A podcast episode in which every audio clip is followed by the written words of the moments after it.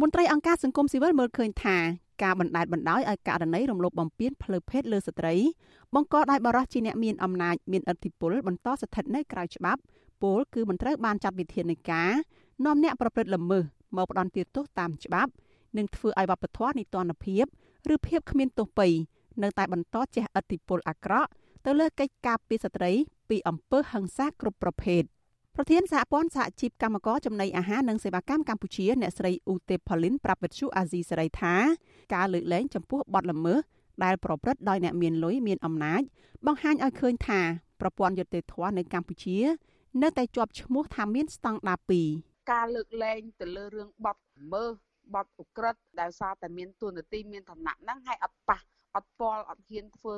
ការចាត់ចែងឬក៏ឲ្យតឡាការហ្នឹង ប្រើសិទ្ធិអំណាចឯករាជ្យដើម្បីដាក់ទោសទណ្ឌបង្ហាញថាច្បាប់មិនមានការយោគយល់មិនមានការអធិស្ឋានមិនមានការចរចាហ្នឹងគឺជាឧទាហរណ៍មួយយ៉ាងអាក្រក់មែនតើនៅពេលដែលយើងចេះតែបដ ாய் ទៅបដ ாய் ទៅមានថាប្រព័ន្ធយុតិធម៌នៅស្រុកយើងហ្នឹងពិបាកនៅក្នុងការស្ដារឡើងវិញហើយបើយើងក៏លេចមើលមកស្ថានភាពសិទ្ធិមនុស្សចំពោះក្មេងៗសកម្មជនធ្វើលើរឿងការពារព្រៃឈើការពារបរិស្ថានវិញគាត់ការពារអ្វីដែលជាធនធានរបស់ ប្រទេសយើងហ្នឹងដើម្បីការពារដល់ក្មេងជំនាន់ក្រោយវិញត្រូវបានមានការដាក់ទោសយ៉ាងតឹងរឹងការលើកឡើងនេះបន្ទាប់ពីក្រសួងមហាផ្ទៃច្រានចោលការលើកឡើងរបស់សង្គមស៊ីវិលផ្នែកសិទ្ធិមនុស្សនិងសិទ្ធិស្ត្រីថាមិនបានឆ្លុះបញ្ចាំងពីកិច្ចខិតខំប្រឹងប្រែងអនុវត្តច្បាប់របស់ស្ថាប័នជាតិទាំងមូលនោះទេក្រសួងមហាផ្ទៃគូបញ្ជាក់នៅក្នុងសេចក្តីថ្លែងការណ៍កាលពីថ្ងៃទី24ខែឧសភាថាអាញាធរតែយកចិត្តទុកដាក់ជាប្រចាំអនុវត្តតួនាទីភារកិច្ចទៅតាមច្បាប់ ក្នុងនោះសមត្ថកិច្ចអនុវត្តច្បាប់ស្មើភាពគ្នាមិនបានរើសអើងចំពោះអ្នកមានឋានៈធនធានឬអុកញ៉ានោះទេកន្លងមកអាជ្ញាធរក៏បានចាត់វិធានការច្បាប់ទៅលើមន្ត្រីជាន់ខ្ពស់និងអុកញ៉ាជាច្រើនអ្នកដែលធ្វើឲ្យអ្នកទាំងនោះបានក្លាយជាទណ្ឌិតឬពិរុទ្ធជនដែលត្រូវបានផ្ដន់ទាទោសក្រសួងមហាផ្ទៃចាត់ទុកការស្នើរបស់ក្រុមអង្គការសង្គមស៊ីវិលថាជាការវាយតម្លៃតែទៅលើជ្រុងមួយតូចរបស់សមត្ថកិច្ចដែលមិនបានឆ្លុះបញ្ចាំងពីតថភាពជាក់ស្ដែងនៅក្នុងសង្គមឡើយ។ លិខិតរបស់ក្រសួងមហាផ្ទៃនេះគឺជាការឆ្លើយតបនឹងសង្គមស៊ីវិលជិត30ស្ថាប័នដែលបានសរសេរលិខិតរួមគ្នាកាលពីថ្ងៃទី12ខែឧសភាដាក់ទៅរដ្ឋមន្ត្រីក្រសួងមហាផ្ទៃលោកសខេងរដ្ឋមន្ត្រីក្រសួងកិច្ចការនារីអ្នកស្រីអឹងកន្ថាភាវីនិងរដ្ឋមន្ត្រីក្រសួងយុតិធធលោកកាត់រិទ្ធដោយសូមឲ្យចាត់ការតាមផ្លូវច្បាប់លើករណីអុកញ៉ាហេងសៀអតីតអុកញ៉ាដួងឆាយនិងលោកអុកកុសលដែលជាអតីតស្នងការនគរបាលខេត្តកំពង់ធំ ពាក់ព័ន្ធនឹងករណីអំពើហិង្សាក្នុងគ្រួសារការបៀតបៀននិងប្រើអំពើហិង្សាផ្លូវភេទលើស្ត្រីពួកគេមានការខកចិត្តយ៉ាងខ្លាំងដែលកន្លងមកស្ថាប័នមានសមត្ថកិច្ចពាក់ព័ន្ធមិនបានអនុវត្តឲ្យបានត្រឹមត្រូវនិងមានប្រសិទ្ធភាពទៅតាមគោលការណ៍ច្បាប់លើករណីអំពើហិង្សានិងការបៀតបៀនផ្លូវភេទជាដើម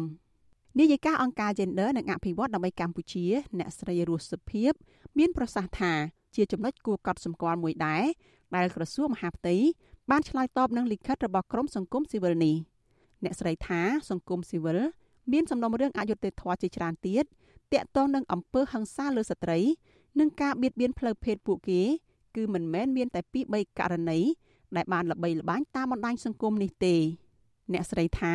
អញ្ញាធរត្រូវតែបញ្ចប់សំណុំរឿងអ្នកមានអំណាចមានឥទ្ធិពលនេះទៅតាមច្បាប់ជៀសវាងខ្លាយជាទម្លាប់អ្នកមានលុយមានអំណាចប្រព្រឹត្តបទល្មើស តែមិនទទួលទោសវាផ្ទុយទៅនឹងគោលនយោបាយ gender ដែលយើងត្រូវមើលគេហៅថាកសាងសង្គមមួយ ដើម្បីឲ្យ ប្រជាពលរដ្ឋគាត់យល់អំពីការគោរពទៅលើសិទ្ធិអ្នកដតីហើយនឹងមិនប៉ះពាល់រាងកាយអ្នកដតីណាវាគ្មានគេហៅថាគំរូណាមួយ ដែលធ្វើឲ្យជនល្មើសហ្នឹងរៀងចាលឬក៏អ្នកដែលបំរុងប្រុងនឹងល្មើសហ្នឹងនឹងធ្វើរឿងហ្នឹងហា ក់ដូចជាគាត់អត់បារម្ភគាត់អត់ខ្លាចគាត់នៅបន្តធ្វើបន្តបន្តហើយមានករណីជាច្រើនទៀតដែលมันបានដឹងណាมันបានដឹងมันបានលើកឡើងទេវិទ្យុអាស៊ីសេរីព្យាយាមសុំការឆ្លើយតបរឿងនេះពីអ្នកនាំពាក្យក្រសួងមហាផ្ទៃលោកខៀវសុភ័ក្រដែរ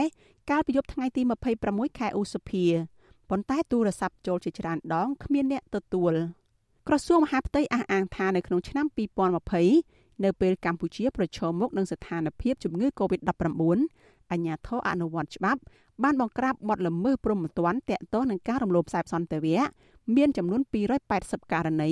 ដែលពាក់ព័ន្ធនឹងមនុស្សចំនួន290នាក់យ៉ាងនេះក្តីក្រុមអង្គការសង្គមស៊ីវិលនៅតែបារម្ភថាការអនុវត្តច្បាប់ដោយរើសអើងពីអាជ្ញាធរមានសមត្ថកិច្ចគឺជាកត្តាចម្បងដែលនាំឲ្យករណីអំពើហិង្សាលើស្ត្រី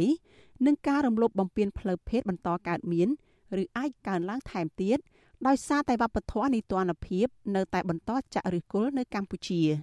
កម្ពុជាបន្តជាប់ឈ្មោះជាច្រើនឆ្នាំនៅបាតតារាងអន្តរជាតិជាប្រទេសឈានមុខគេល្បីខាងប្រព្រឹត្តអំពើរំលោភច្បាប់